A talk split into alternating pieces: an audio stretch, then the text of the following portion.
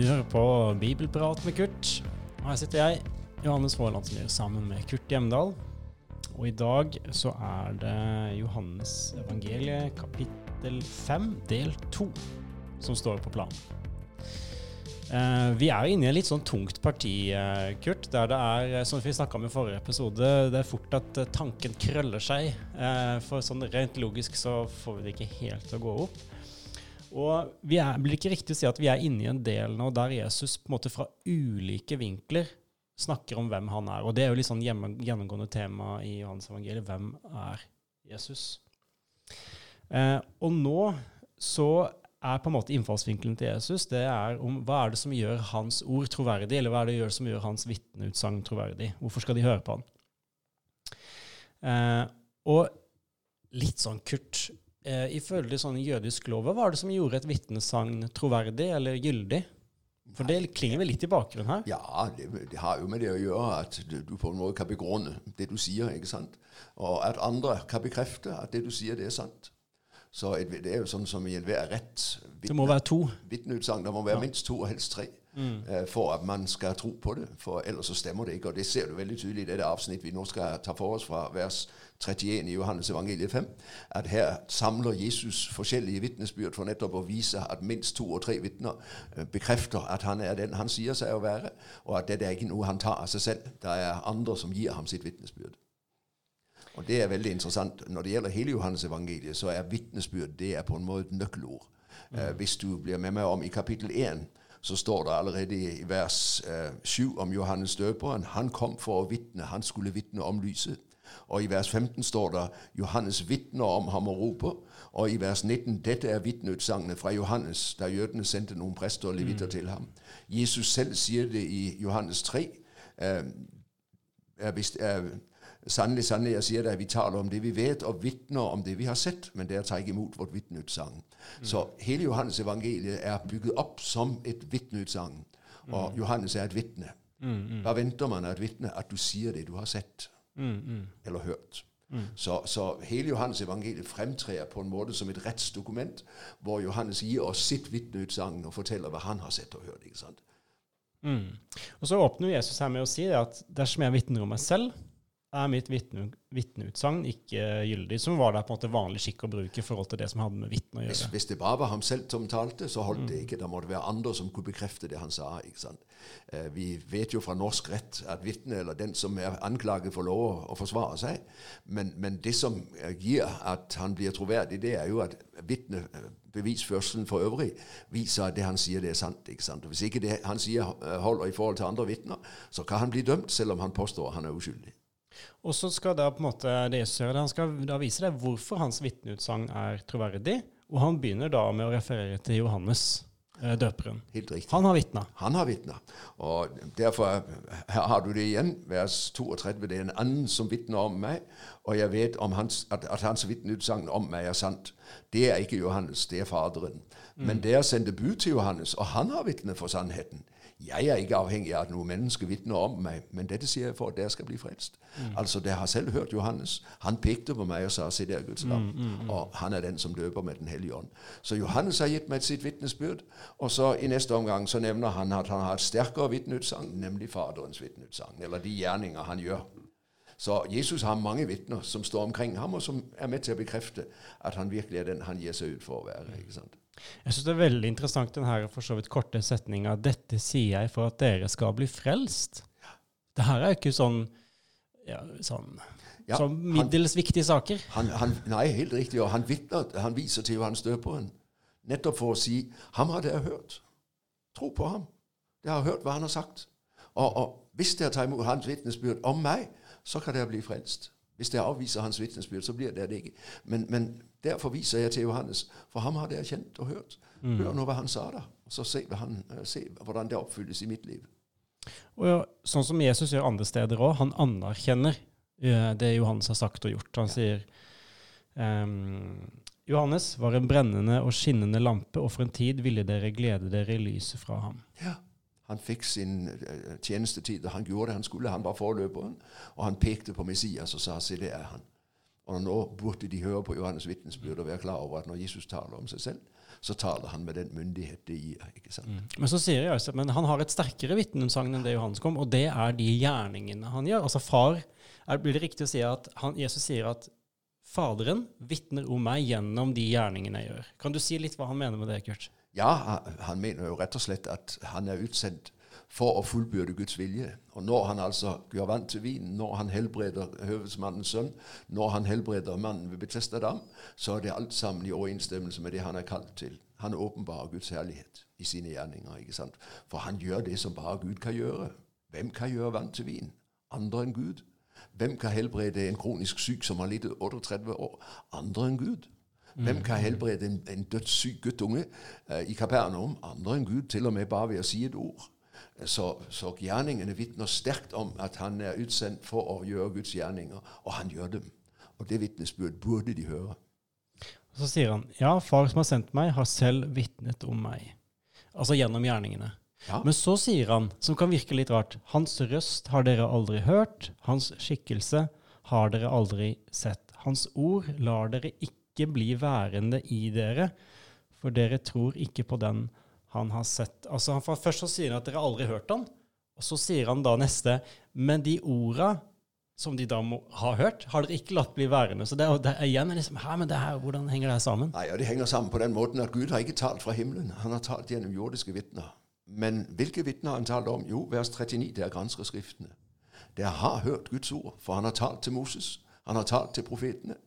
Så på den måten har far selv vitnet om meg. Den gamle, hele den gamle pakt er et vitnesbyrd om meg.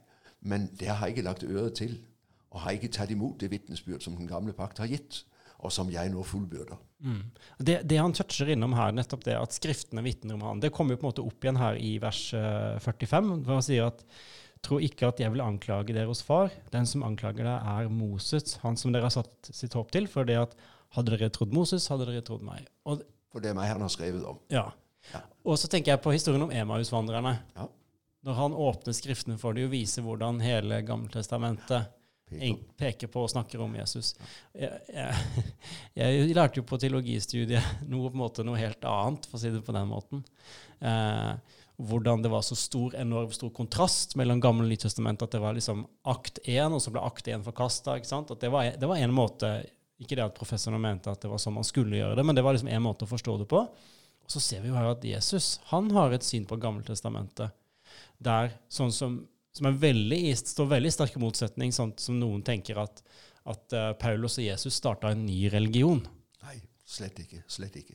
Og Derfor ser vi både hos Jesus og hos Paulus at de hele tiden viser til Skriftene, og at alt de sier, vokser ut av Det gamle testamentet. Nå oppfylles det som Det gamle testamentet har talt. Mm. Og det er veldig interessant å se. Jesus vet at han og Moses er helt på linje. Naturligvis er de det. Det er Gud som har sendt Moses og talt gjennom ham.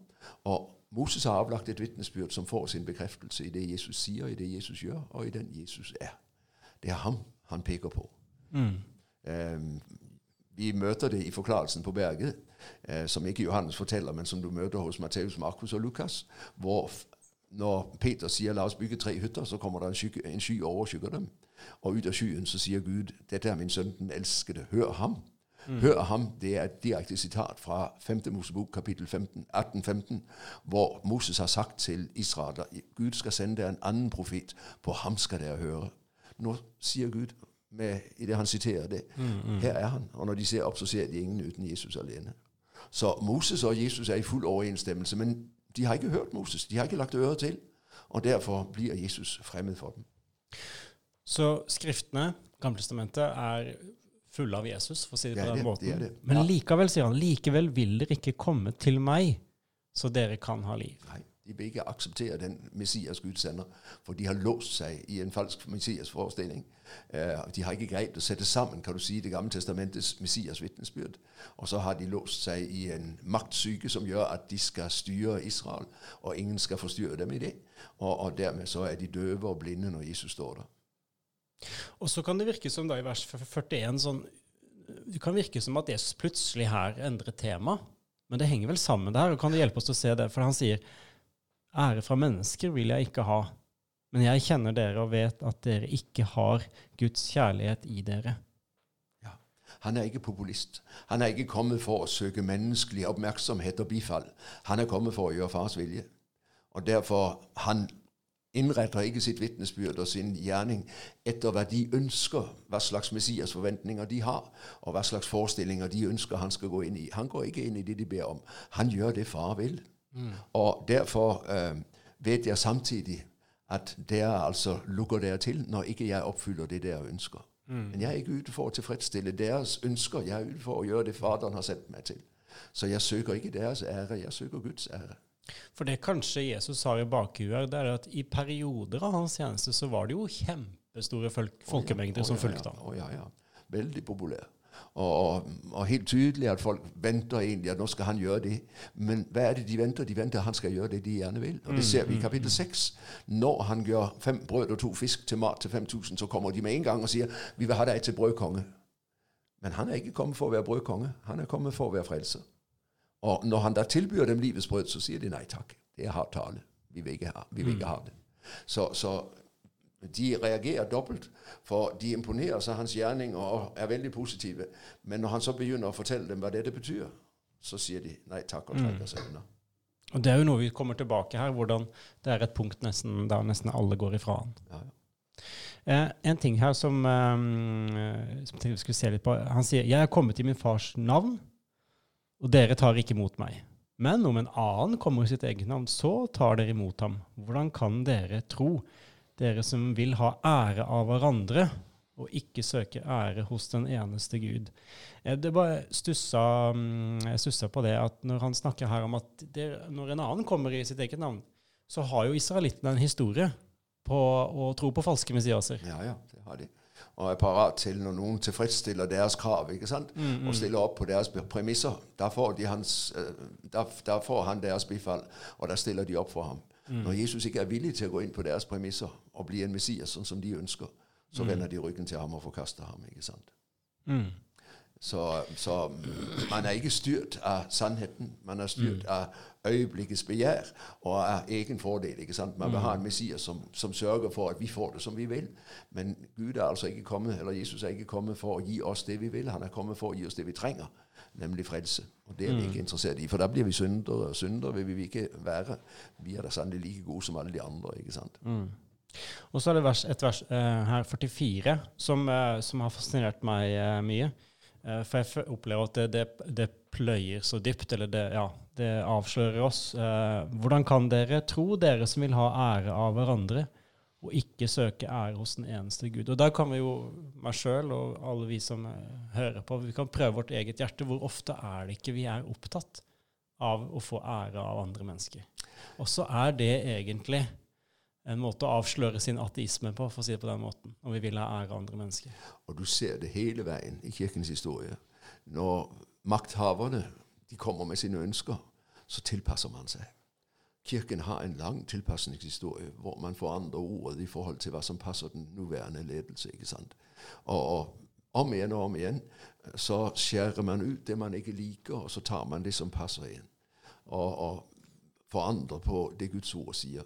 Eh, vi lever midt i en kirkesituasjon hvor tilpasningen er meget tydelig. Vi er veldig opptatt av å være på linje med de styrende myndigheter. Men når Guds ord da sier nei til f.eks. likekjønnet samliv, og sier dette er feil, eh, så glemmer vi det og hopper over det, for det passer dårlig inn i tiden.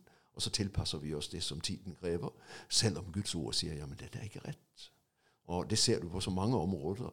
Vi er så gode til å tilpasse oss. For, for, vi vil så gjerne ha ære fra mennesker. Vi, vi må, kirken må jo være til så folk får lyst til å gå der. ikke sant? Og Da må vi jo mm. tilpasse vårt budskap.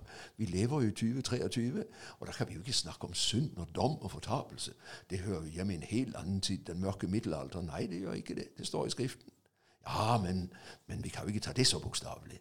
Og så er vi hele tiden opptatt av å mm. tilpasse oss og lage oss en kristendom som fungerer i forhold til hva mennesker ønsker, og som gjør at vi slipper å komme på kant med tiden. For vi aner at det kan bringe problemer, og det vil vi ikke ha.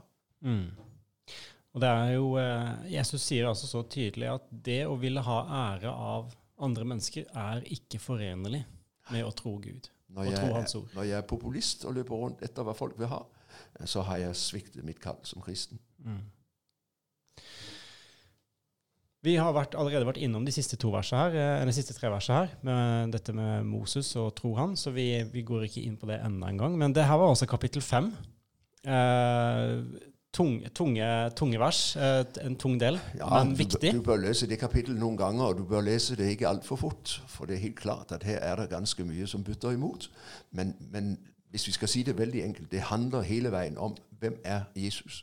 Og det er jo evangeliets nøkkelspørsmål. ikke sant? Hvem er han? Mm. Og hvorfor skal vi høre på? Og hvorfor skal vi høre på ham? Og Jesus understreker igjen og igjen han er troverdig.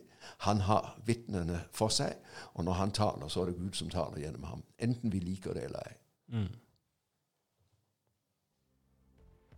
Var det gildt å høre på denne podkasten, må du gjerne gi en gave til Nordmisjon sitt arbeid, f.eks.